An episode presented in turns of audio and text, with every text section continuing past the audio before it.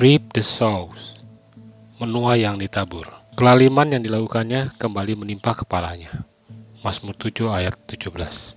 Banyak di antara kita yang merasa terganggu dengan ketidakadilan yang kita saksikan dalam kehidupan.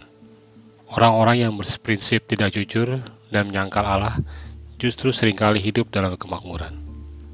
Akan tetapi, Anda perlu meyakini bahwa Allah tidak membiarkan dirinya dipermainkan, karena apa yang ditabur orang itu juga yang akan dituainya. Galatia 6 ayat 7 Prinsip ini digambarkan dalam The Gray and Adams Commentary.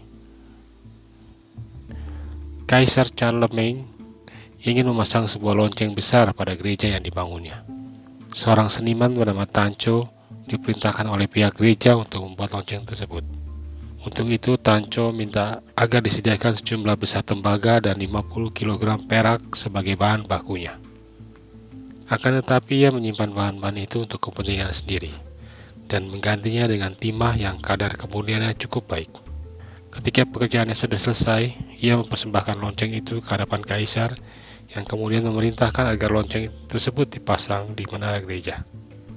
Namun orang-orang tak dapat membunyikan lonceng itu, hingga Tanco sendiri dipanggil untuk membunyikannya.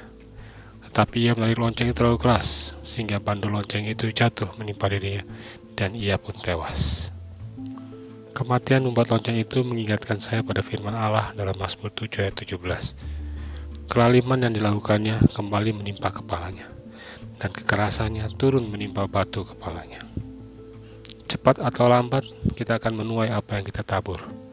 Dan kita tidak perlu takut bila kita menabur kebajikan. We are always sowing seed in life, in everything we do and say, and we will surely reap the fruit of what we are planting every day. Benih yang ditabur hari ini menentukan jenis buah yang akan kita tuai esok.